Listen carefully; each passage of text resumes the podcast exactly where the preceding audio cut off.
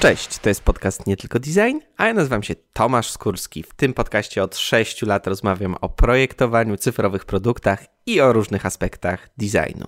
Dzisiaj w 33 odcinku moją gościnią jest wykładowczyni, badaczka, konsultantka dr Aga Szóstek. Zresztą Aga jest już tutaj po raz trzeci. Głównym tematem naszej rozmowy jest strategiczne projektowanie doświadczeń, czyli takie projektowanie doświadczeń, które przede wszystkim jest z perspektywy biznesu. Porozmawiamy całkiem sporo o tym, w jaki sposób można spróbować zapewnić temu mitycznemu biznesowi przewagę konkurencyjną przy użyciu projektowania doświadczeń i myślenia o doświadczeniach. Wspomnimy też o niektórych narzędziach, których AGA używa, aby takie przewagi zidentyfikować i jakoś zarządzać nimi. Główną inspiracją do naszej rozmowy, ale nie jedyną, jest niedawno wydana książka Agnieszki The Umami Strategy, która ma swoją premierę 15 marca 2021 roku na amerykańskim Amazonie. W trakcie naszej rozmowy pada sporo dodatkowych informacji, które zebrałem w notatkach do tego odcinka. Zarówno notatki, jak i zapis całej naszej rozmowy dostępne po, są pod adresem nietylko.design ukośnik 033. A teraz nie przedłużając, miłego słuchania. Cześć, to jest podcast Nie Tylko Design, a ja nazywam się Tomasz Skórski. Dziś moim gościem jest Aga Szóstek.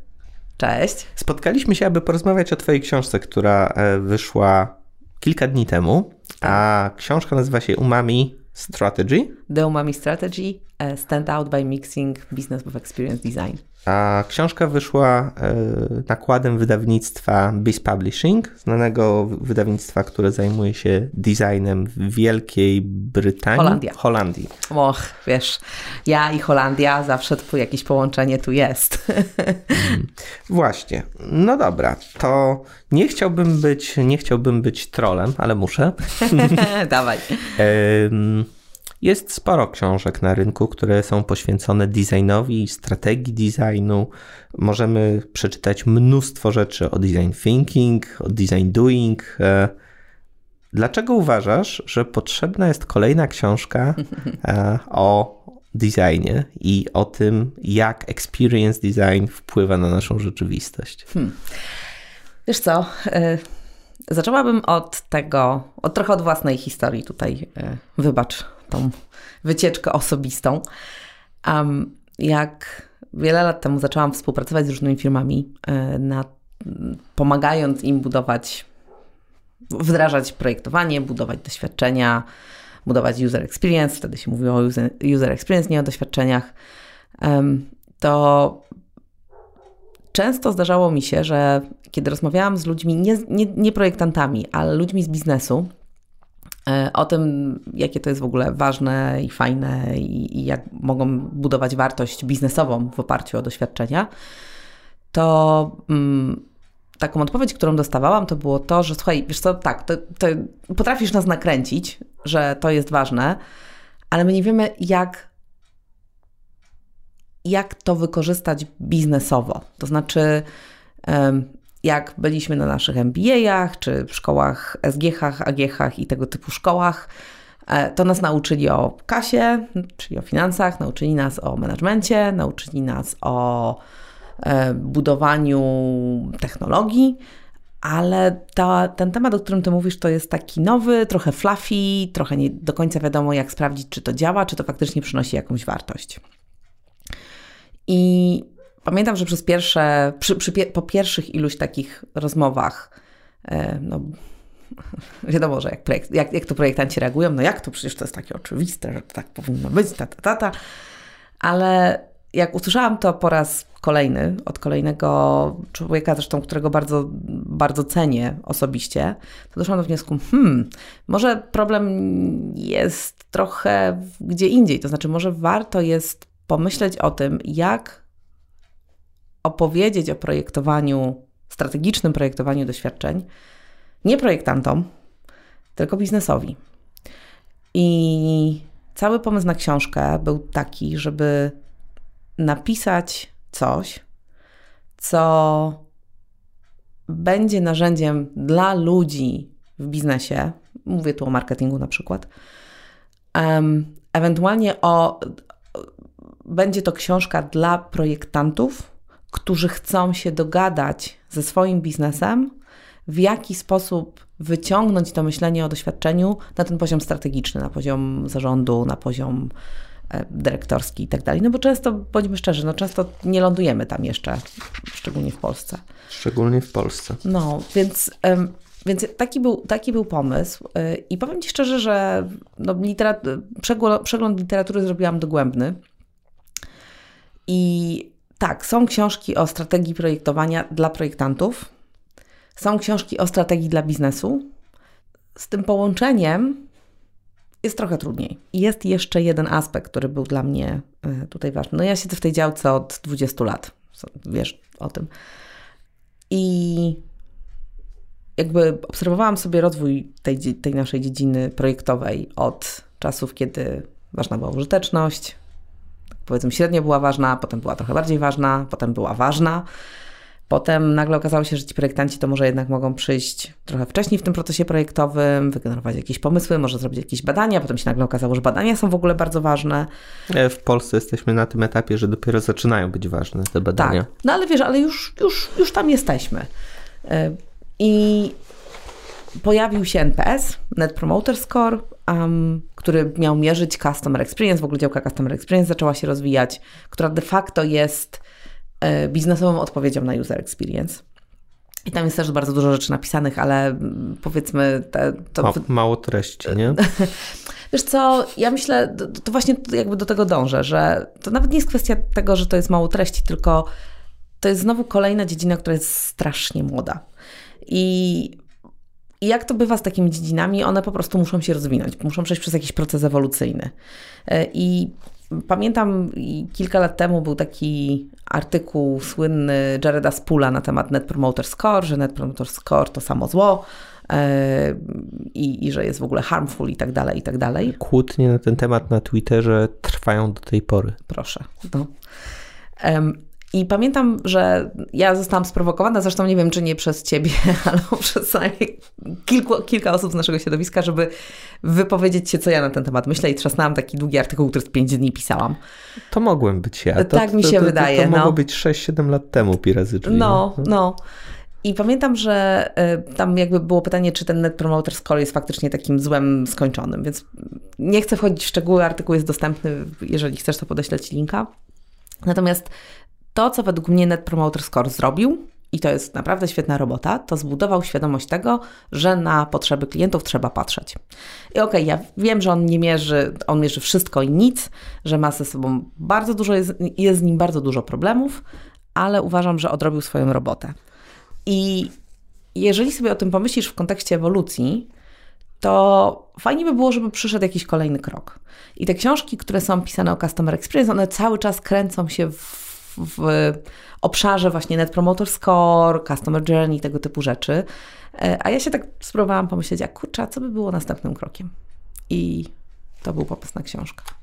Okej. Okay. Fundamentem Twojej książki jest coś, co nazywasz umami strategy, która tak naprawdę składa się z kilku elementów, z kilku komponentów, i istotną częścią Umami Strategy jest tak zwany Umami Framework. Tak. Czy możesz opowiedzieć nieco więcej o nim? Mhm. Um, znaczy, może w ogóle zacznę od Umami. Co to właściwie jest Umami Strategy? Mhm. Pewnie osoby, które mnie znają o tym wiedzą, e, osoby, które mnie znają zaraz się dowiedzą, a ja generalnie bardzo lubię gotować. I um, wiecie, jak człowiek zaczyna gotować, no to najpierw praktycznie, ale potem fajnie jest się trochę podszkolić. E, I gdzieś w trakcie robienia różnych kursów kulinarnych trafiłam na informację, że nie mamy czterech smaków, których doświadczamy, czyli gorzki, słodki, kwaśny i słony, e, ale że jest jeszcze piąty smak, e, który został odkryty w latach 50. w Japonii, który się nazywa umami. I umami jest czymś takim, co nie jest stricte oddzielnym smakiem, czyli nie odczuwasz go tak jak, nie wiem, gorz, gorzkość, ale jest czymś, co sprawia, że rzeczy, które, które jemy, smakują lepiej. Dlatego wszyscy kochają pizzę. No bo pizza ma pomidory, które mają bardzo dużo umami, ser, który ma bardzo dużo umami i grzyby, które mają bardzo dużo umami oraz dla tych, którzy jedzą mięso, no ja nie wiem, generalnie mięso, szczególnie wołowina jest też chyba jednym z naj, najbogatszych e, składników, najbogatszych rodzajów jedzenia, które ma umami. I obserwując wiele organizacji e, w, no na świecie tak naprawdę, bo to niekoniecznie tylko w Polsce, zauważyłam, że bardzo często jak się mówi o projektowaniu, projektowaniu customer experience, projektowaniu doświadczeń, to myśli się o tym w kontekście kolejnego działu. Czyli, że mamy, tutaj mamy marketing, tam mamy sprzedaż, tam mamy technologię, tu mamy HR-y, a tutaj będziemy mieć albo innowacje, albo właśnie jakieś tam projektowanie. E, I Problem polega na tym, że to nie do końca się sprawdza. To znaczy, w momencie, kiedy mówi się o projektowaniu doświadczeń jako o jednym z elementów, który się musi zejść e, w jakimś ogólnym rachunku biznesowym, e, to ponieważ on, jak przed chwilą rozmawialiśmy, jest ciężko mierzalny, no to oczywiście ląduje na szarym końcu, a najczęściej ląduje w koszu, bo trzeba tutaj zarobić pieniądze i, i, i nakręcić sprzedaż, ewentualnie zrobić jakąś porządną technologię pod spodem. A niskopoziomowo nie wydaje się dostarczać dużej wartości. Dokładnie. I trochę zastanawiając się na tym, jak ta dziedzina mogłaby się dalej rozwijać, to wyszło mi, że to nie jest dział, to nie jest departament, to nie jest proces nawet, no bo często też się mówi, ok, będziemy robić design thinking. Wszyscy teraz robią design thinking, nieważne gdzie są. Tylko to jest pewien mindset, e, a w zasadzie mindflex. To mi się bardzo podoba, to Dave Snowden ukuł takie powiedzenie mindflex.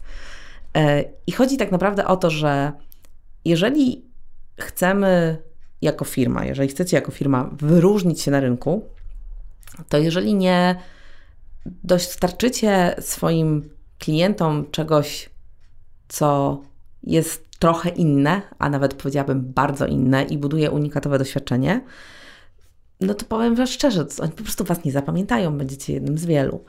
I to jest dokładnie umami, no bo możesz mieć e, coś, co smakuje ok, ale jak dołożysz te elementy, które sprawiają, że, że, że, że zapamiętujemy ten smak, że on jest taki pyszniutki, no to dzięki temu masz coś, do czego ludzie chcą wracać. I to dokładnie o to samo chodzi, e, żeby sprawić na koniec dnia, żeby wasi klienci chcieli do was wrócić, e, chcieli więcej korzystać z tego, co, co robicie i e, no, co najważniejsze, chcieli opowiedzieć o tym innym i namówić innych, żeby przyszli.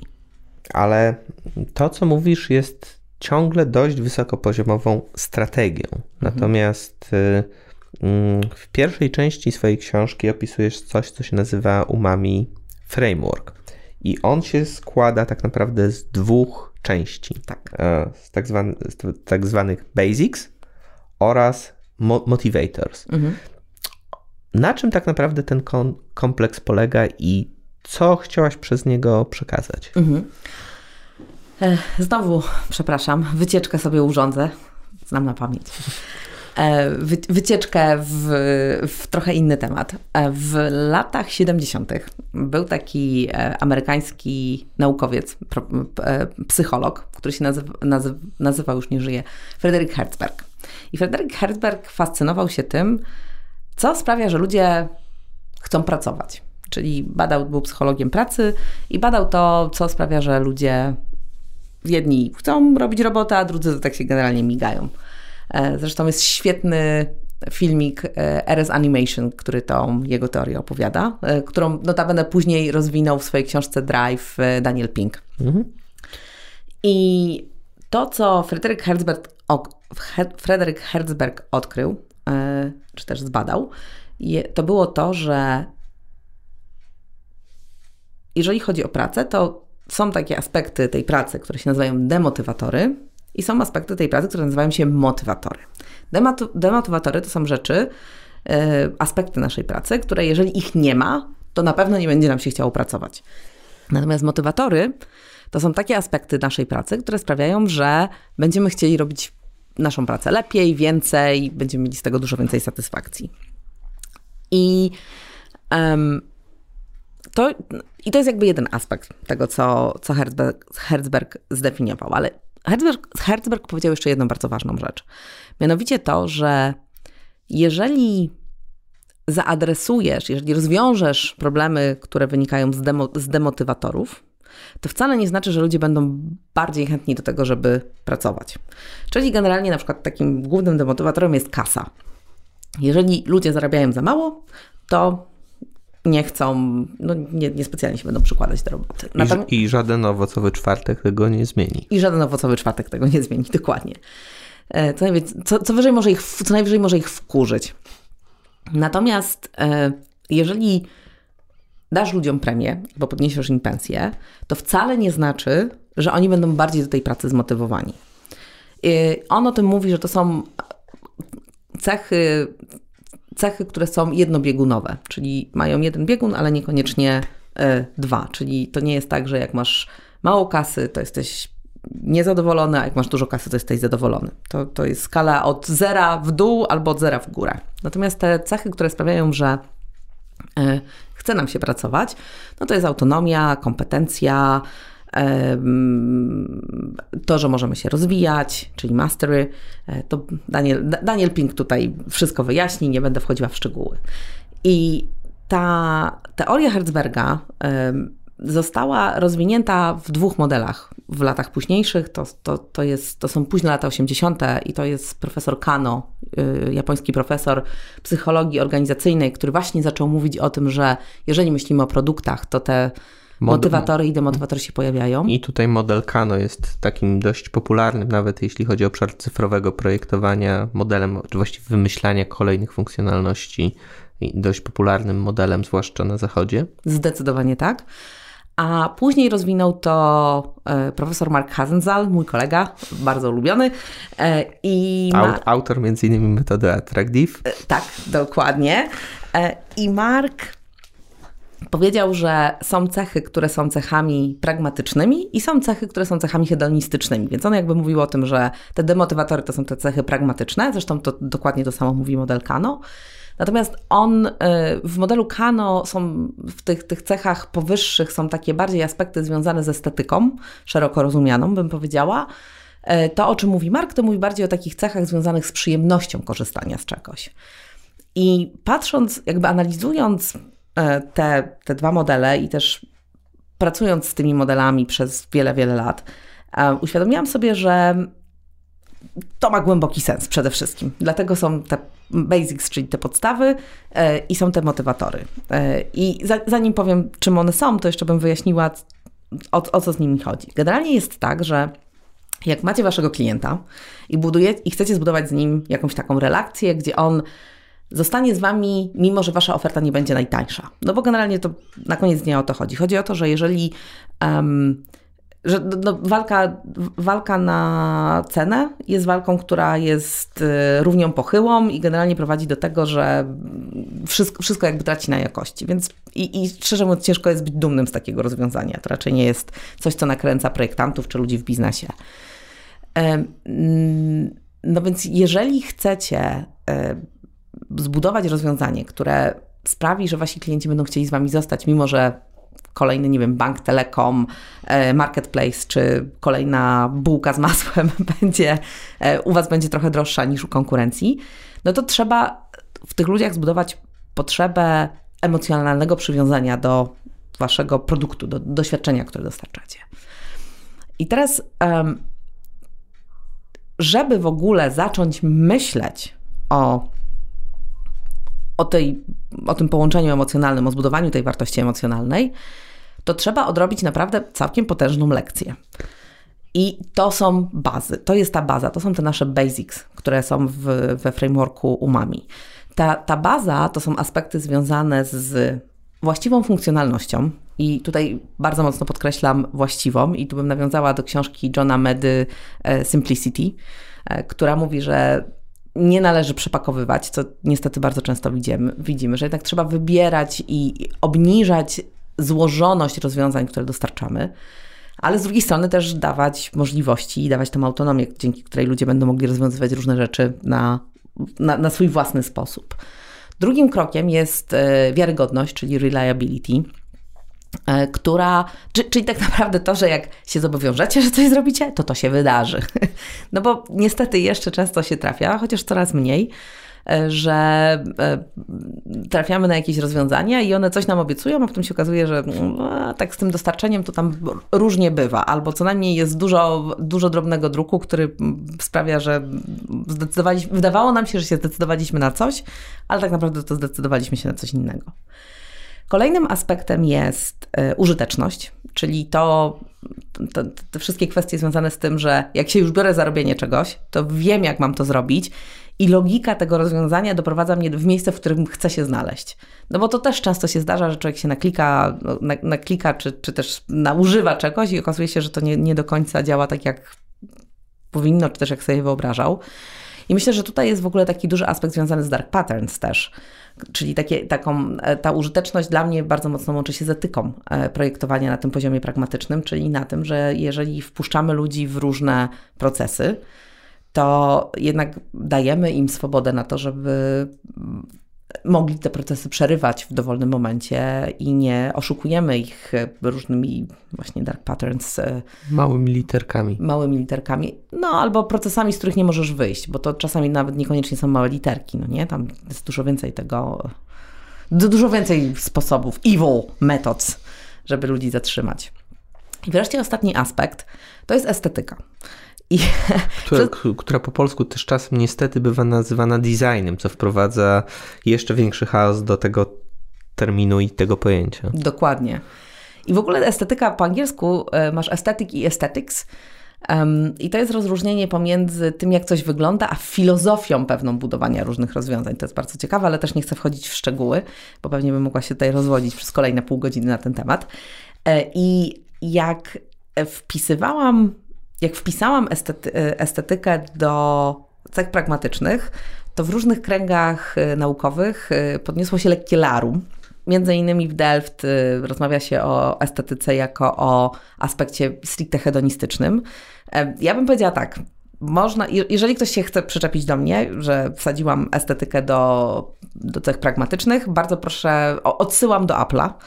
E, ponieważ według mnie to, co się wydarzyło z iPhone'em i z e, pierwszymi Macami, które po prostu stały się estetycznymi produktami, doprowadziła do tego, że ludzie zaczęli wymagać to, żeby rzeczy, z którymi wchodzą w interakcję, wyglądały i wyglądały dobrze i żeby ta interakcja też była interakcją estetyczną.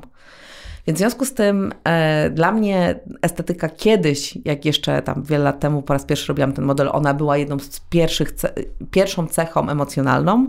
Dziś według mnie to jest rzecz, która jest no nonsense, czyli jest taką rzeczą, która po prostu musi się wydarzyć, bo inaczej ludzie po prostu nie będą chcieli z jakiegoś z danego rozwiązania skorzystać.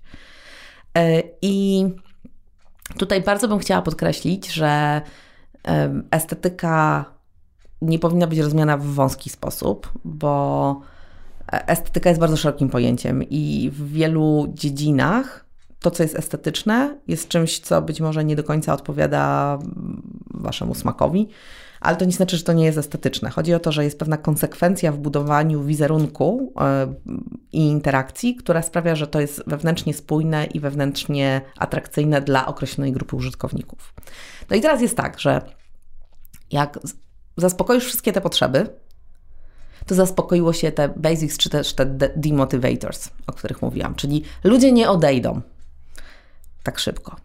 Chyba, że pojawi się tańsza oferta, albo pojawi się coś, co jest wygodniejsze w jakiś sposób. More convenient po angielsku. I wtedy was rzucą i pójdą sobie gdzie indziej. I teraz, jak sobie, jak, jak sobie pomyślicie o tym, będąc w swojej organizacji, nad czym pracujecie? No to nad czym się pracuje? Pracuje się nad funkcjonalnością, nad wiarygodnością, nad użytecznością i nad estetyką. I to są, i to musi być zrobione. To jest naprawdę bardzo, bardzo, bardzo ważna robota, ale ona buduje relację transakcyjną z klientami, nie buduje relacji emocjonalnej. I buduje podstawy. Buduje podstawy, tak. Ona jest taką podstawą bardzo potrzebną, ale niewystarczającą. Jak często według Ciebie w Polsce zdarza nam się budować te doświadczenia, które wychodzą poza te fundamenty? Hmm. Powiem tak, niewystarczająco często. Czyli rzadko. E, tak. I tu mogę się przyznać, że jest jeszcze jeden powód, dla którego napisałam tą książkę, bo ja bym bardzo chciała, żeby więcej rzeczy miało i więcej rozwiązań, które mamy na rynku, żeby miało ten aspekt emocjonalny. bo fajnie jest korzystać z takich rozwiązań, które mają, mają ten aspekt emocjonalny i um, a z drugiej strony, jak się sama zastanawiałam nad tym, jaka firma polska na przykład buduje we mnie taką pozytywną, pozytywną emocję i pozytywną wartość emocjonalną, no to powiem szczerze, prosto nie było, żeby znaleźć. Ja bym tutaj wykorzystała przykład, który y, być może jest, znaczy na pewno jest ograny po prostu już zdar, jak zdarta płyta, ale InPost jest myślę takim dobrym przykładem z całą filozofią komunikacji od paczuchy i tak dalej. I zobaczcie, jakie to jest proste. No bo to nie jest kwestia tego, że oni zbudowali jakieś dramatycznie wielkie wow efekty, które kosztowały miliony i trwały przez 5 minut, tylko de facto zrobili pewien, wpadli na pewien fajny pomysł komunikacji, e, na komunikacji do klientów, informujących ich o tym, że ich przesyłka dociera, plus komunikacji na, paczkomata, na paczkomatach, która też jest fajnie zrobiona i mówi o efektywności Twojego działania.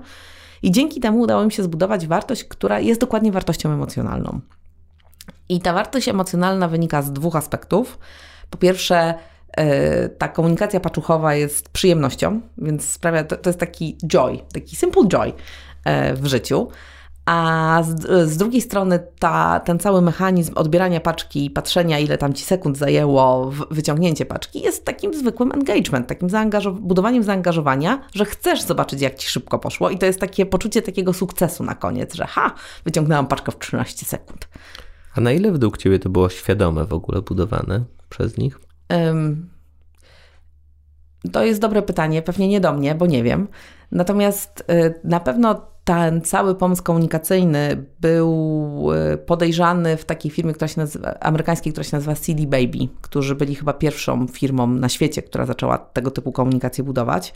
Też jest taka mała książeczka, w której się, której founder y, tej, tej firmy opisuje całą historię stworzenia tego języka i całej tej komunikacji. Przyznam szczerze, że nie pamiętam niestety tytułu.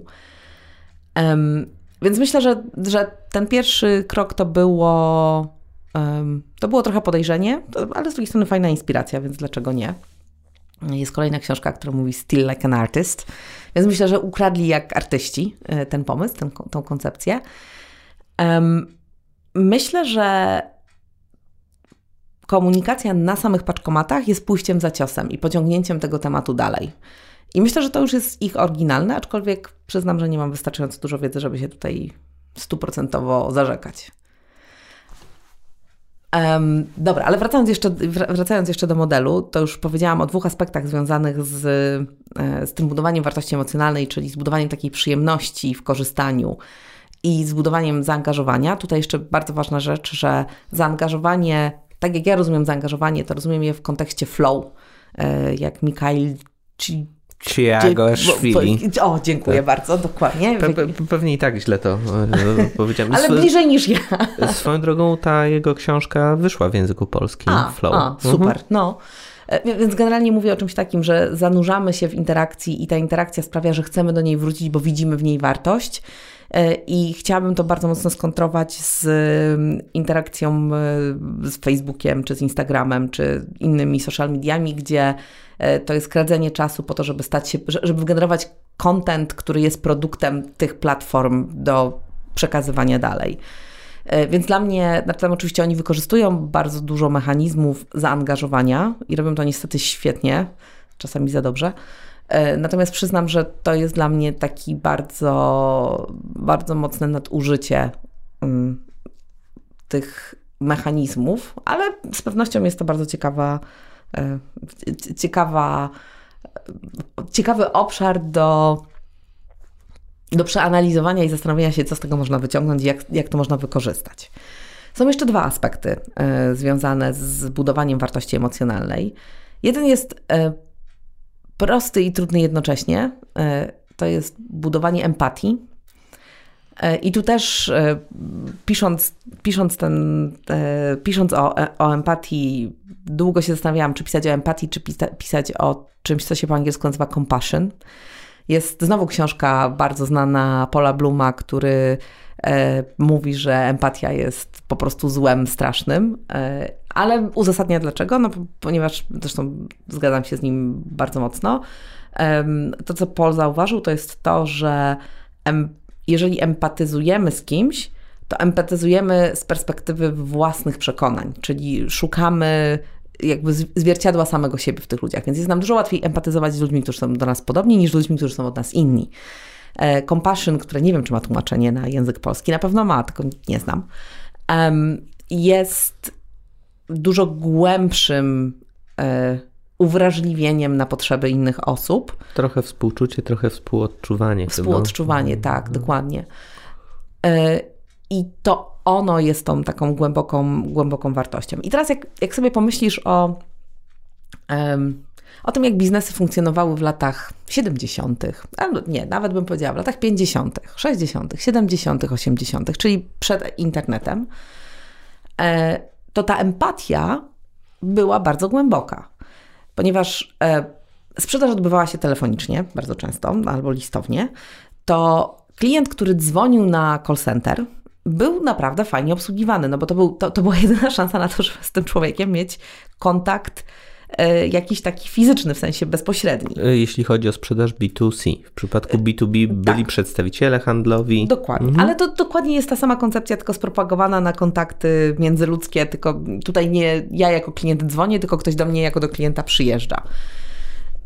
I ponieważ biznesy były bardziej lokalne, więc ta, ta relacja empatyczna z z klientami, którzy kupowali od ciebie coś, była bardzo ważna, no to generalnie call center na początku powstały jako koncepcja do tego, żeby budować relacje z użytkownikami, z klientami. Natomiast potem, kiedy biznes, biznesy stały się bardziej globalne, kiedy pojawił się internet i okazało się, że nie trzeba tym wszystkim ludziom, którzy na tych słuchawkach siedzą, płacić, albo można im płacić mało, bo generalnie można dać im skrypty i niech oni tam generalnie zniechęcają ludzi do, do kontaktu innego niż internetowy, to nagle okazało się, że call center, które miało być tym źródłem empatii i tym, e, tym narzędziem do budowania tej empatii, stało się narzędziem, które jest wszystkim, tylko nie tym. Stało się, jest tak naprawdę przeciwieństwem budowania empatii, no bo dzwonisz, dowiadujesz się, że generalnie to twoja wina, bo trzeba było uważać, trzeba było przeczytać drobny druk i żegnam o ziemble. E, więc, więc generalnie to jest coś, w czym byliśmy jako, jako biznes bardzo dobrzy i kompletnie to zgubiliśmy i zatraciliśmy, zatraciliśmy dzisiaj. Więc to jest, ta, to jest jeden aspekt, ale jest jeszcze jeden aspekt, który jest aspektem najistotniejszym e, tak naprawdę i to jest znaczenie. I tu muszę przyznać, że książek na temat budowania znaczenia jest bardzo dużo. I jak pisałam ten kawałek, to się zastanawiałam, kurczę, no pisze, Simon Sinek o tym pisze. E, Viktor Frankl, który w latach 50., w 54 roku napisał In Search of Meaning, o tym pisze. No po prostu masa, masa, masa świetnych, mądrych ludzi pisze o, o tym, jak ważne jest budowanie znaczenia, jak ważne jest budowanie tego just cause, czyli czegoś takiego, takiego celu, który wykracza poza Twój biznes, poza sprzedanie Twojego produktu, czy tam Twojego rozwiązania. E, I, I, prawie to było takie onieśmielające, żeby o tym pisać, ale z drugiej strony powiedziałam, że z drugiej strony pomyślałam sobie, że to jest tak ważne, że nawet jeżeli to będzie powtórzone milion razy i jeżeli jestem w tym kawałku kompletnie repetytywna w stosunku do e, fantastycznych ludzi, którzy o tym pisali wcześniej i pewnie to, co napisałam, jest e, jedynie cieniem tego, jak oni o tym pisali, to warto jest to powtórzyć, tylko dlatego, żeby pokazać, jak ważne jest budowanie tego znaczenia, które właśnie wykracza za produkt. I z jednej strony mówi się o tym North Star, z drugiej strony właśnie Simon Sinek pisze teraz o tym najczęściej just cause, czyli to jest e, powiedzenie, że to, co robię jako biznes, ma mieć pozytywny wpływ na świat w jakimś aspekcie. Czyli nie powiedzenie we change the world for the better, e, czyli wszystkie hasła z startupów z Krzemowej Doliny, tylko chodzi o to, żeby powiedzieć, dobra, zmieniamy ten świat na lepsze, ale w tym konkretnym aspekcie. To jest to, co nas kręci. I to, co jest bardzo ciekawe, to to, że mm, myślenie o takiej wizji nabrało i będzie nabierało gigantycznego znaczenia dziś, e, czyli w czasie pandemii. E, I to się wiąże z bardzo dużą zmianą geopolityczną, która się wydarza niniejszym. Bo jak sobie pomyślisz o świecie mm, sprzed pandemii, czyli sprzed pół roku de facto, to w dużej mierze tym naszym światem rządził biznes, czyli rządziły firmy, które nie wszystkie, ale dużo, e, miał, miało jeden cel: do, dostarczenie jak najwyższej wartości dla interesariuszy, dla stakeholderów. E, kiedy przyszła pandemia, okazało się, że biznesy nie są w stanie uratować świata, że rządy musiały wejść w ten proces wspierania społeczeństwa i wspierania biznesu. Możemy mieć różne opinie na ten temat, jak to zostało zrobione. Nie chcę absolutnie wchodzić w to. Totalnie źle odczytujesz moją minę. To okay. jest raczej totalna porażka neoliberalnego modelu i jakiś kolejny punkt przełomowy, który doprowadza nas tak naprawdę do dłuższego okresu niepewności i budowania się jakiegoś nowego modelu, gdzie też supremacja Stanów Zjednoczonych i kultury Zachodu zaczyna powoli wygasać na rzecz rosnących kultur, na przykład azjatyckich. Absolutnie się z Tobą zgadzam. Ale to jest, to jest w ogóle przyczynek do zupełnie innej rozmowy. Dokładnie tak. Natomiast jest, jest tego pewna konsekwencja, która już w niektórych krajach, na przykład europejskich, zaczyna się pojawiać. E, mianowicie, na przykład we Francji e, w ostatnich miesiącach zostało wprowadzone, została wprowadzona legislacja, która łączy dofinansowanie Twojego biznesu z tym, jaką wartość społeczną dostarczasz. Czyli generalnie, jeżeli chcesz dostać pewne narzędzia finansowe po to, żeby albo rozwijać swój biznes, albo żeby nie upaść e, w czasach, w których żyjemy, musisz powiedzieć, że Twój biznes nie jest jedynie narzędziem do, dla bogatych ludzi, żeby stali się jeszcze bogatszymi, tylko on jest narzędziem, który pozytywnie wpływa albo na planetę, albo na społeczeństwo, albo na jakąś lokalną społeczność, jest edukacyjny itd., tak itd. Tak to jest jeden przykład. No, nawet w Polsce część banków e, deklaruje, oczywiście to jest głównie marketingowe, ale deklaruje na przykład, że nie będzie realizowało projektów związanych e, z wydobyciem węgla kamiennego. Tak.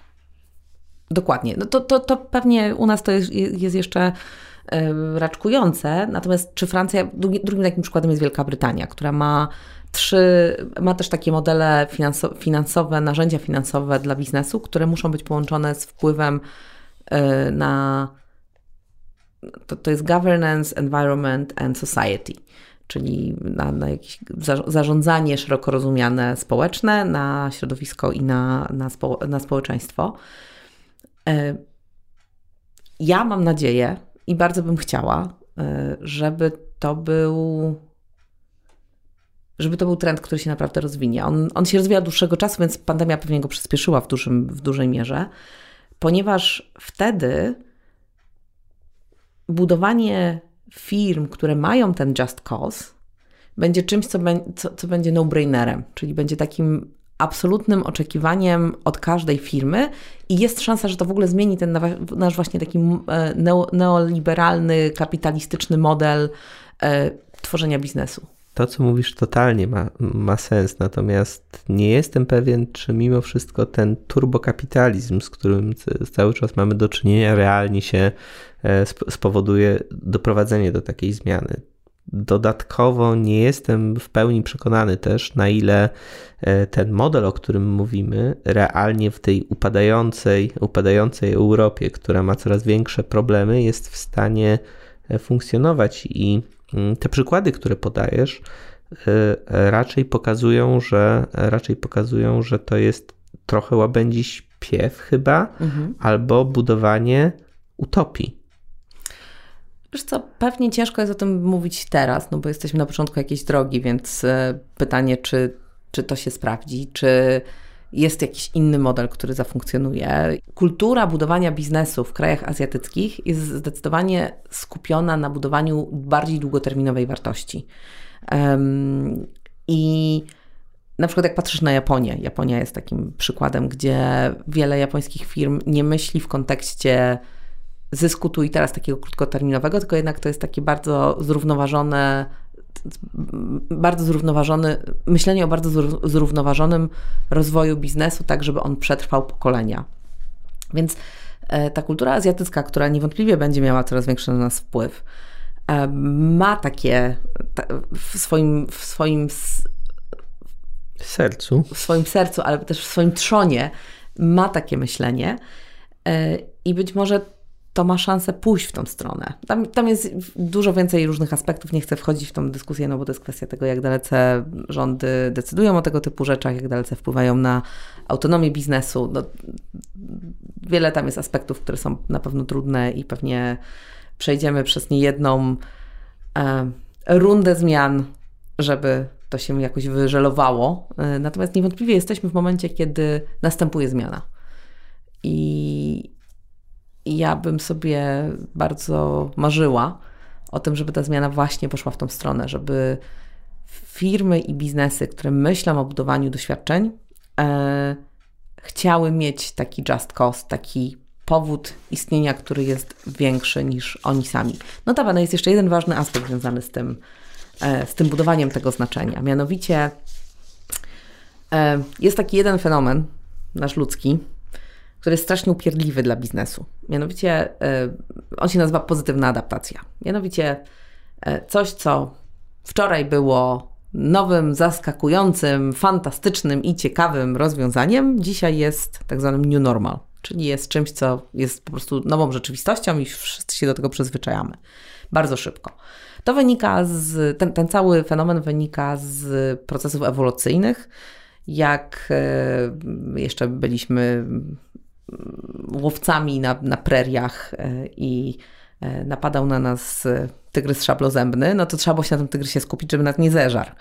Natomiast jak już nas nie zeżarł i wracaliśmy sobie do, do naszej wioski, E, czy tam do jakiegoś naszego obozowiska, no to generalnie nie można było ciągle myśleć o tym tygrysie. No, trzeba było zacząć znowu żyć i myśleć o dużo szerszych aspektach związanych z przetrwaniem. Więc generalnie ten fenomen, fenomen e, wiąże się z tym, że coś, co nas pozytywnie zaskakuje, skupia naszą uwagę przez jakiś czas, natomiast po jakimś czasie zaczynamy wracać do normy, widząc świat i dopasowując ten jeden element do reszty naszego świata, w którym funkcjonujemy. Zresztą to działa w obie strony. To działa w stronę przy, przy to, to, działa w, przy w, e, to działa w odniesieniu do pozytywnych aspektów w naszym życiu i też do negatywnych aspektów w naszym życiu. To jest też często tak w, w taki bardzo popularny sposób rozumiane jako tak zwane gotowanie żaby, prawda? Mhm. Z jednej strony, a z drugiej różne aspekty propagandy, prawda? Są też, y, czyli słynne gebelsowskie kłamstwo powtórzone milion razy staje się, staje prawdą. Się tak, prawdą. Tak, absolutnie tak, dokładnie. Nie przyszło mi to do głowy, a bardzo, bardzo ciekawe Ciekawe odniesienie do wyjaśnienia, czym jest pozytywna adaptacja. Dziękuję za podpowiedź. Świat, który nas obecnie w Polsce otacza, też dostarcza pewnych inspiracji, niestety, no niewątpliwie. W, tym, w tym temacie. Tak, och tak, zdecydowanie. E, więc w związku z tym jest tak, że ta pozytywna adaptacja jest procesem, który następuje zawsze. Nie ma opcji, żeby, żeby ktokolwiek z Was był w stanie wymyśleć biznes, e, w którym ta pozytywna adaptacja nie nastąpi. Ludzie się przyzwyczają do tego, co im zaoferowaliście. Natomiast jest jeden, jeden ważny aspekt. Pozytywnej adaptacji nie da się zatrzymać, ale można ją spowolnić. I można ją spowolnić radykalnie. I właśnie ten just cost, to znaczenie, które się daje ludziom, to dopasowanie się do ich wartości, do ich, e, do tego, w co oni wierzą, do tego, co nimi kieruje, do ich motywacji, sprawia, że oni będą chcieli z wami być jako z biznesem, e, połączeni emocjonalnie, dlatego że wy dając im tą wartość wykraczającą poza to, że chcecie sprzedać swoje rozwiązanie, dacie im to, to poczucie, że dzięki temu, że kupują z Wami, korzystają z Waszych rozwiązań, pomagają światu w jakiś określony sposób. I to jest niesamowicie silne y, narzędzie budujące emocjonalną relację z, z klientami.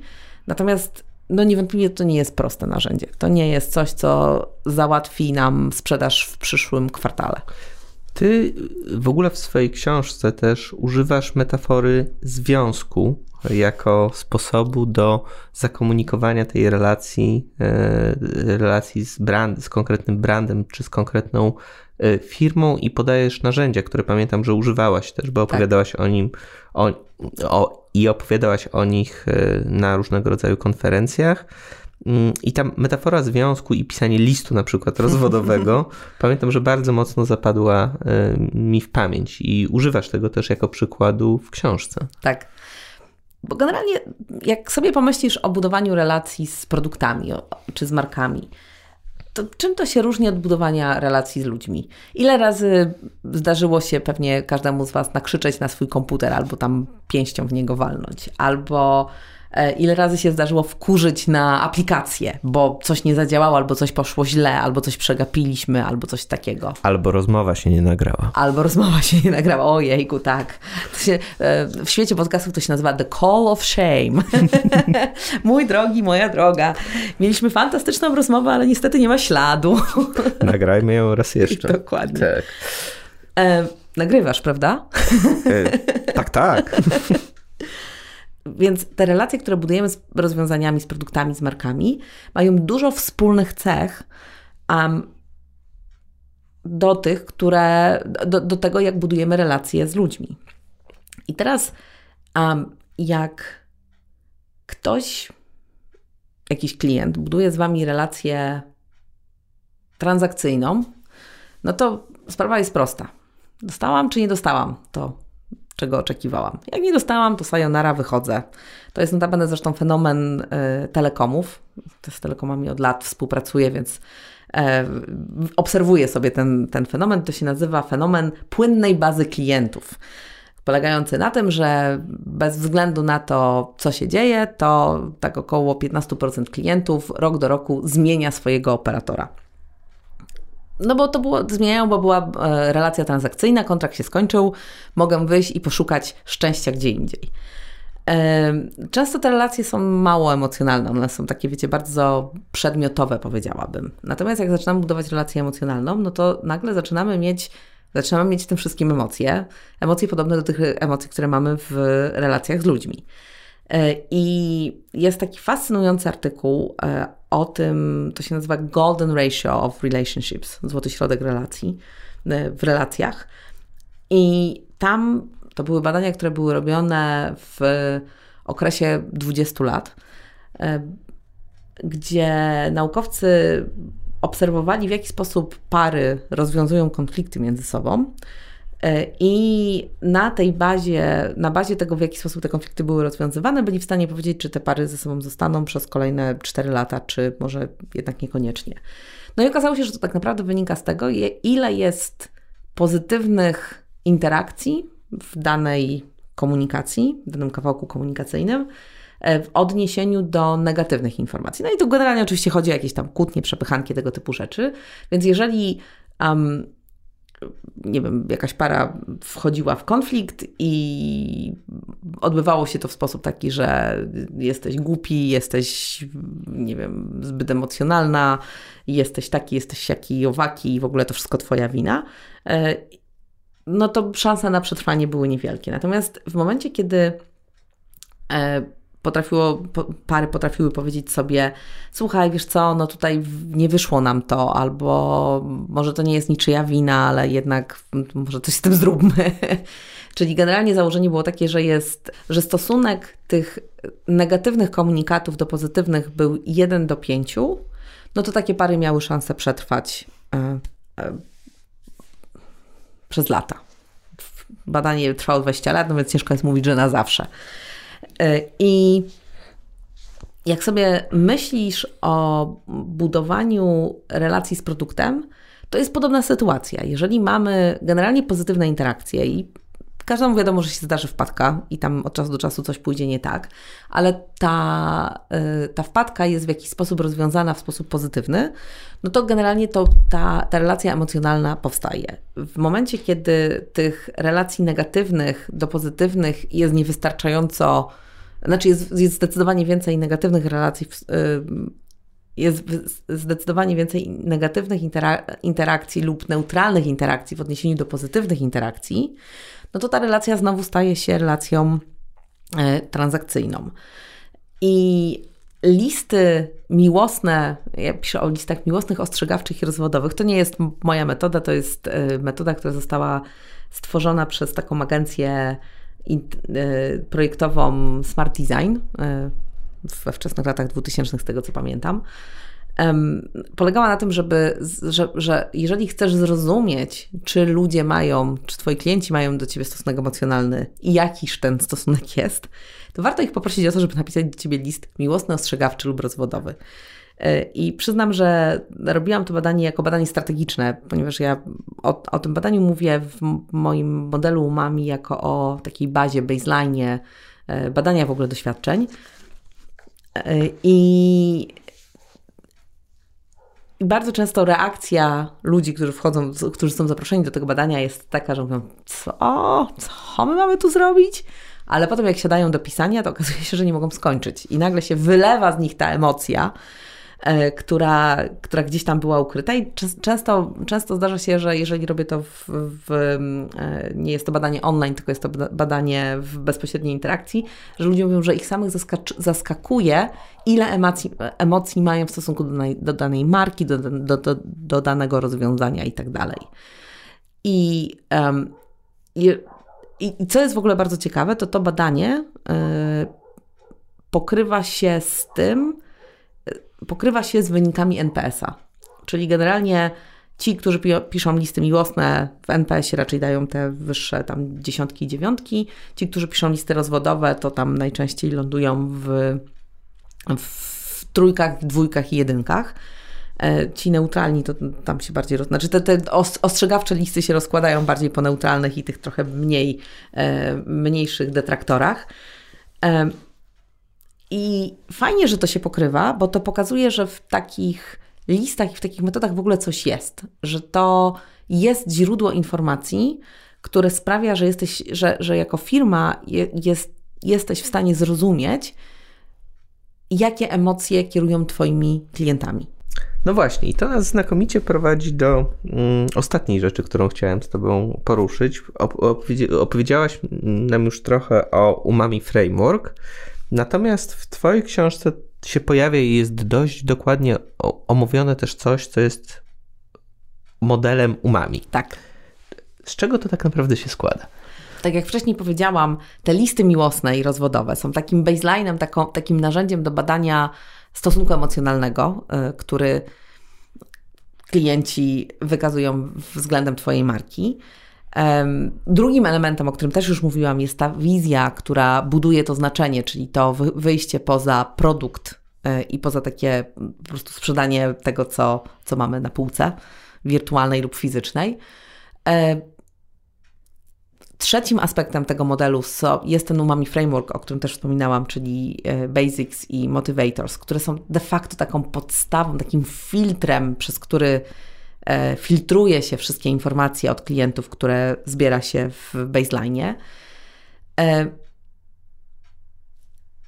są jeszcze dwa aspekty.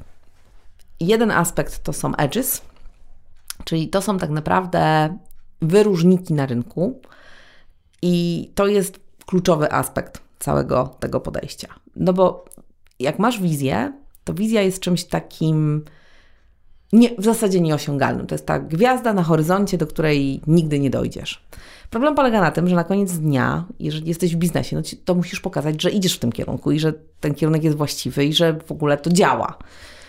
E, A jak wiemy, doświadczenia dość trudno jest skwantyfikować i modele takie jak NPS, bez względu na to, czy mają sens, czy nie, są dość nieudacznym sposobem ich mierzenia. Dokładnie. E, więc w związku z tym tym narzędziem do takiego mierzenia pójścia we właściwym kierunku są właśnie te edges. E, edges to są wyróżniki na rynku, czyli tak naprawdę wybierasz sobie cechy, którymi chcesz się wyróżniać na rynku. Wrócę tutaj do e, impostu. Impost można by powiedzieć, że jest cute w tej swojej komunikacji. I oni stawiają na cuteness i stawiają też przy, przy, też przy okazji na efektywność, czyli na to, że y, załatwiasz u nich sprawę w 13 sekund albo w 5. Jakie mogą być inne cechy e, bądź inne edge z tego produktu? E, generalnie sugerowałabym wzięcie jakiegokolwiek e, słownika z przymiotnikami i każdy przymiotnik, który w tym słowniku się znajduje, może być edge, może być tym wyróżnikiem.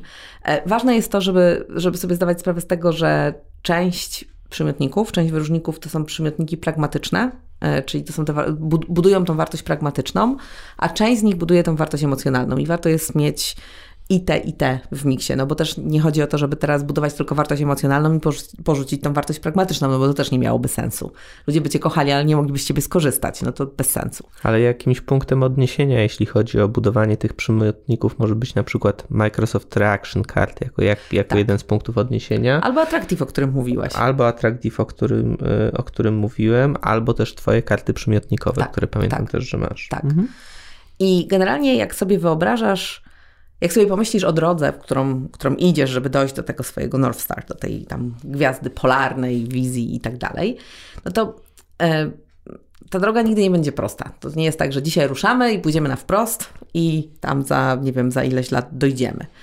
E, generalnie ta droga będzie się wiła i będzie się zmieniała i przymiotniki, te, te wyróżniki, te edges są narzędziem do tego, żeby wiedzieć, że są jakieś spójne elementy, że są jakieś krawędzie tej drogi i ta droga dzięki temu ona będzie być może nawet zawijała i szła w, niekoniecznie w kierunku tej naszej gwiazdy polarnej, ale ona się trzyma kupy, ona jest konsekwentna w swoim działaniu. I teraz znowu wrócę do tego fenomenu pozytywnej adaptacji. W momencie, kiedy stosujesz tak zwane efekty wow, żeby budować zaangażowanie czy też emocjonalną wartość dla klientów, no to kłopot polega na tym, że ten efekt wow się, wow się wydarza i następnego dnia już jestem new normal, czyli już się wszyscy do niego przyzwyczaili. przyzwyczaili. Natomiast jeżeli wybierzesz sobie cechę jak impost, tego extreme cuteness, ja lubię używać przy tych cechach extreme, ale zaraz powiem dlaczego, to piszesz pierwszego SMS-a, który ma taką wartość, potem piszesz kolejną wiadomość i kolejną wiadomość. I to nie chodzi o to, że ta, że ta jedna wiadomość zbudowała ci efekt wow, ale konsekwencja w budowaniu tego wyróżnika e, sprawia, że ludzie zaczynają, zaczynają tak o tobie myśleć. Czyli generalnie, jeżeli postawisz na to, że chcesz być magiczny e, i e, Magia polega na tym, że jak, nie wiem, masz formularz na stronie, to ten formularz nie jest formularzem takim zwykłym imię, nazwisko i tak dalej, tylko tam jest, pojawia się jakaś postać, która jest może jakimś nie wiem, duchem i tak dalej, i, i coś ci przysyła albo ci nie przysyła, że tutaj w ogóle można za zacząć w ogóle o tym myśleć, jak o budowaniu interakcji tego doświadczenia, który ma elementy magii w sobie. I oczywiście ten pierwszy formularz nie uczyni wiosny, Natomiast jak do tego dołożysz zaskakującą i nietypową, e, taką trochę magiczną interakcję przy płatności, albo dołożysz coś tam jeszcze, to tak krok po kroku, krok po, po kroku zaczyna się budować ten wyróżnik i on się staje coraz bardziej widoczny dla klientów. I teraz jest, jest bardzo ważna sprawa z tym związana, mianowicie bardzo często jak pracuję z firmami, które się decydują na to, żeby mieć te wyróżniki, no to na początku e, powiem, poziom odwagi w ich budowaniu jest znacząco niski. E, więc odważą się zrobić taki malutki jeden kawałek, potem drugi kawałek i to powiedzenie im, że słuchajcie, to nie jest... E, to nie jest coś, co załatwimy w miesiąc, tylko to jest droga, przez którą będziemy musieli przejść i musicie sobie na, na, na, przykład dać rok na to, żeby ludzie zaczęli zauważać to, że faktycznie wyróżniacie się czymś takim konkretnym, jakąś cechą konkretną, e, to wtedy okazuje się, że jak powstały pierwsze dwa, trzy, cztery rozwiązania, które były, może nawet powiedziałabym dosyć konserwatywne, ale ludzie zaczynają na to pozytywnie reagować, to ta odwaga i innowacyjność w myśleniu staje się coraz większa i z czasem te rozwiązania stają się coraz bardziej odważne i faktycznie budują ten wyróżnik. Teraz jest jeszcze jedna bardzo ważna rzecz z tym związana, mianowicie e, z bardzo wieloma firmami, jak rozmawiam, to pada takie pytanie: no ale czy my nie możemy być po prostu krok przed konkurencją? Nasza konkurencja jest innowacyjna, a my jesteśmy tak troszeczkę bardziej innowacyjni, prawda? E, troszkę bardziej nowocześni. E, problem polega na tym, że jeżeli jesteście tylko troszkę bardziej inni, to de facto jesteście tacy sami. E, nasz mózg działa w ten sposób, że buduje wspomnienia, I wspomnienia, które zapamiętujemy, czyli coś, co wpada nam do tej biblioteki e, wspomnień, to jest coś, co jest radykalnie inne od tego, co widzimy na co dzień. Jeżeli... Ty podajesz przykład wakacji, chyba, o ile dobrze pamiętam tak, w swojej hotelów. Hote, mhm. hoteli w, e, wakacyjnych, tak. Chodzi mi o ten fragment, gdzie mówisz, że wspomnienia z Twoich wakacji są zwykle dużo bardziej ekspresyjne niż faktycznie były w rzeczywistości. tak. To, ten, ten fragment tak. miałem na To myśli. nawet nie ja, tylko Kahneman, Daniel Kahneman o tym mówi w swoim fantastycznym TEDxie o, e, o tym, o, o poczuciu szczęścia. Zaryzykowałbym, że to nie był TEDx, tylko TED. TED, tak, masz rację. Przepraszam, Daniel, wybacz. Mm, I generalnie jest tak, że i, a notabene to, to wszystko, e, o czym mówię, wiąże się z kolejną rzeczą, której też piszę e, dość szeroko, mianowicie o tym, że e, nasz mózg zbiera doświadczenia po to, żeby weryfikować oczekiwania, które mamy względem kolejnych interakcji, w które będziemy wchodzić w swoim życiu. I generalnie jest tak, że jeżeli mam interakcję, weźmy bank, prawda? Mam interakcję z bankiem X, ta interakcja była spoko, taka względnie zgodna z moimi oczekiwaniami, może nawet jakiś był drobny element, który mnie zaskoczyli. E, I sobie porównuję to doświadczenie, które miałam z doświadczeniem z innym bankiem, którym miałam wcześniej. I ono jest podobne, no bo tam też mi spełnili oczekiwania, nie było jakiś wpadek, może nie było tego małego efektu wow, ale, ale generalnie było podobnie to mój mózg jest leniwcem i nie ma specjalnie ochoty zapamiętać tego konkretnego doświadczenia. Mówi, no tak generalnie z bankami to jest tak, że one tak dostarczają, więc to wspomnienie jest niewystarczająco mocne, żeby o nim chcieć w ogóle nawet opowiedzieć. Natomiast jeżeli wydarza się coś radykalnie innego, na przykład Revolut był takim świetnym przykładem radykalnej zmiany myślenia o tym, jak e, jak można sobie w ogóle radzić z kwestiami związanymi z finansami. Które teraz jest nową normalnością, bo banki też nadgoniły to bardzo mocno. No, które nadgoniły, to nadgoniły, ale starają się nadgonić, powiedzmy. Tak, zgadzam się. E, no to nagle okazało się, że jest inny sposób myślenia o płatnościach, który jest tym radykalnie innym, e, innym podejściem. I teraz to jest, to jest fajny przykład a propos tego, jak działają edges, no bo faktycznie było tak, że banki działały w jakiś określony sposób, pojawił się Revolut, zrobił rewolucję, i teraz banki to nadrabiają.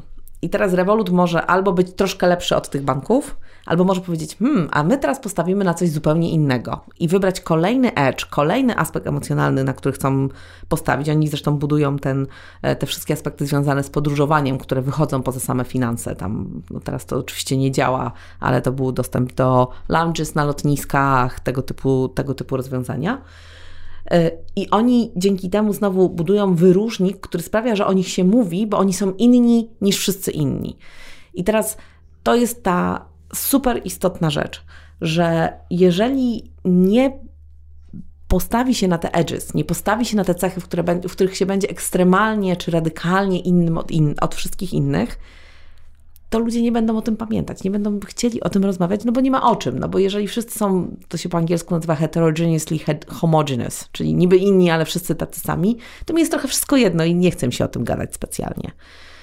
Um, no to będę, to polecę kolejną książkę, która była referencją. Jest taka książka profesor Jung May Moon, która się nazywa Different. E, I ona opisuje różne techniki i taktyki tego, w jaki sposób można się wyróżniać na rynku. E, I mówi tam też o takim fenomenie tego, że e, na przykład jeżeli patrzysz sobie, robisz benchmark z konkurencją, no i widzisz, że konkurencja jest dobra w tym, i w tym, i w tym, i w tym, i ty też jesteś w tym, i w tym, i w tym dobry, no to jest spoko, to jakby tutaj nie ruszamy tego, tych obszarów, ale jest jakiś jeden aspekt, w którym się, nie wiem, bank, bank X jest gorszy od banku Y i Z, prawda? No dokładnie, no to co wszyscy robią? Wszyscy oczywiście stawiają na to, że trzeba teraz musimy podciągnąć ten element, który nam tutaj szwankuje. I problem polega na tym, że na koniec dnia wszyscy są dokładnie taki, tacy sami i pojawia się efekt uśredniania rynku. I właśnie cechą, znaczy tym całym pomysłem na edges to jest to, że stawiasz na dwie, trzy cechy, które są inne niż Twoja konkurencja i podkręcasz je krok po kroku, tak żeby stać się radykalnie innym od tej całej konkurencji. I do tego, żeby mierzyć, e, mierzyć te edges, mhm. a używasz czegoś, co nazywasz umami metrics. Tak. E, to jest e, narzędzie do mierzenia i edges, i wizji, no bo ważne jest to, bo wiadomo, że, że jeżeli weźmiesz edges, ale nie weźmiesz wizji, to bardzo łatwo jest się tutaj rozjechać, więc tu chodzi o to, żeby, żeby wykorzystać oba te aspekty. I Narzędziem do tego y, jest znowu ten baseline, czyli te historie, te listy rozwodowe i miłosne i, i zbieranie historii, które klienci opowiadają. Y, I generalnie mechanizm jest bardzo prosty, no bo założenie jest takie, że żeby zobaczyć, czy się wyróżniasz swoimi cechami, to musisz powiedzieć, że chciałbyś, żeby twoi klienci opowiadali więcej o, historii o tobie, które są takie, a mniej historii, które są takie. Czyli chcesz, żeby ludzie mówili, że jesteś cute, ale nie chcesz, żeby mówili o tobie, że jesteś spóźnialski. E, albo chcesz, żeby mówili o tobie, że jesteś magiczny, i nie chcesz, żeby mówili o tobie, że jesteś nieużyteczny. Albo techniczny. Albo techniczny, dokładnie. E, więc w związku z tym ca cała, cały trik polega na tym, żeby wybrać cech, wybrać te cechy i wybrać cytaty klientów, które reprezentują te cechy i reprezentują wizję, i potem zbierając cyklicznie w jakichś mm, cyklach, nie wiem, półrocznych, kwartalnych czy rocznych, historię klientów, szukać, czy ogólna liczba historii z aspektami, na które się stawia, wzrasta, czy nie. I teraz no, sprawa jest prosta, że jeżeli okazuje się, że, te, że, że budujesz jakiś, nie wiem, extreme, cuteness, znowu wrócę, e, budujesz, budujesz, starasz się tam powkładać to i ludzie o tym nie mówią, no to znaczy, że coś tutaj nie do końca dobrze robisz, więc warto jest wtedy w takich procesach projektowych wpuścić użytkowników, powiedzieć, no dobra, no to powiedzcie mi, co tutaj jest cute, a co nie jest. I w ten sposób możesz powoli e, budować jakby i w ten sposób operacjonalizujesz tą strategię w każdym rozwiązaniu, które wdrażasz, i to jest w ogóle ta filozofia tego, że to umami to jest ten środek, to jest coś, co klei działania wszystkich części organizacji, a nie oddzielnym departamentem. Nie wiem, czy to jest jasne, ale chyba. Chyba jest. Mhm. A ja ogólnie rzecz biorąc bardzo mocno wierzę w metody przymiotnikowe, zresztą od dobrych kilku lat o tym rozmawiamy. Moja magisterka jest nawet temu poświęcona. To prawda. E ale na ile ja rozumiem książkę, którą, e, którą e, przeczytałem i którą, i którą, o której mówiłaś dzisiaj, to takim główną, główną rzeczą, którą z niej rozumiem, to jest to, że ty próbujesz powiązać doświadczenia do poziomu strategii poprzez zastosowanie różnych technik, które są związane z Y, metodami de facto przymiotnikowymi i odnoszą się do tych, do tych hedonistycznych i pragmatycznych aspektów związanych z konkretnymi markami, usługami, a i tym cyfrowym światem. Mhm. Niekoniecznie cyfrowym. Mhm. Doświadczenie jest dużo szersze. No tutaj mówimy o dowolnym biznesie de facto. Jak sprzedajesz kwiatki, to też możesz z tego skorzystać. Albo ziółka. Albo ziółka, dokładnie. Generalnie tak, to niewątpliwie jest jeden z bardzo ważnych aspektów. E, on jest ważny z biznesowego punktu widzenia, ponieważ e, tak jak rozmawialiśmy na początku, to budowanie doświadczenia jest takim efemerycznym czymś, co jest ciężko mierzalne biznesowo. Jeżeli postawisz na cechy, którymi się chcesz wyróżniać, to to nagle zaczyna być mierzalne. Ale świadomie i dojrzale, prawda? Bo to jest, to jest tym fundamentalne, że to nie może być wytwór działu marketingu, który powstaje na potrzeby jednej kampanii, tylko to musi być długotrwała, e, długotrwała strategia, która wynika z badań z klientami, którzy określają te cechy. I wynika też z regularnego mierzenia i wyboru tych cech, Zdecydowanie. którymi chcemy się różnić. Tak. I też tak naprawdę głębokiej analizy konkurencji, bo chodzi o to, żeby wybrać cechy, których ta konkurencja nie ma. No bo jeżeli wybierzesz cechy, które konkurencja ma, to oni cię ciągle będą gonić, więc to też taka trochę e, bardzo kosztowna, powiedziałabym, e, batalia i, i może niekoniecznie warto jest w nią wchodzić. Bardzo Ci dziękuję za to krótkie wprowadzenie, o czym jest e, Twoja książka. Kiedy jest oficjalna premiera wersji angielskiej? Gdzie ją można kupić? um, 10 września 2020 roku e, faktycznie odbyła się holenderska premiera książki e, i książka jest dostępna na stronie beastpublishers.com ale to, to jest premiera tak zwana holenderska, czyli premiera generalnie e, znaczy pozwalająca na, na zakupienie książki przez stronę wydawnictwa. E, premiera międzynarodowa tak zwana, czyli e, udostępnienie książki na Amazonie europejskim. tak powiem Wam, że to jest naprawdę przezabawna historia, jeżeli chodzi o tego typu rzeczy. W ogóle odkrywanie świata wydawnictwa oraz tego, jak działa Amazon, e, jest historią, a powiedziałabym nawet satyrą na inny odcinek. I premiera, więc premiera Amazonowa europejska będzie 19 października. E, premiera tak zwana amerykańska, czyli e, wprowadzenie książki do amazon.com odbędzie się 15 marca 2021 roku, e, ponieważ okazuje się, że wysłanie książek z Europy do Stanów, do, do hurtowni, tam zajmuje 4 miesiące. E, nie. Okej. Okay. tak jak mówiłam, satyra. Świetnie. Dziękuję bardzo. Dziś moim gościem była Aga Szóstek. Serdecznie dziękuję za zaproszenie. Dzięki. I to już wszystko na dzisiaj. Zapis całej rozmowy oraz notatki do tego odcinka tradycyjnie dostępne są na stronie nietylko.design ukośnik 033. Do usłyszenia niebawem.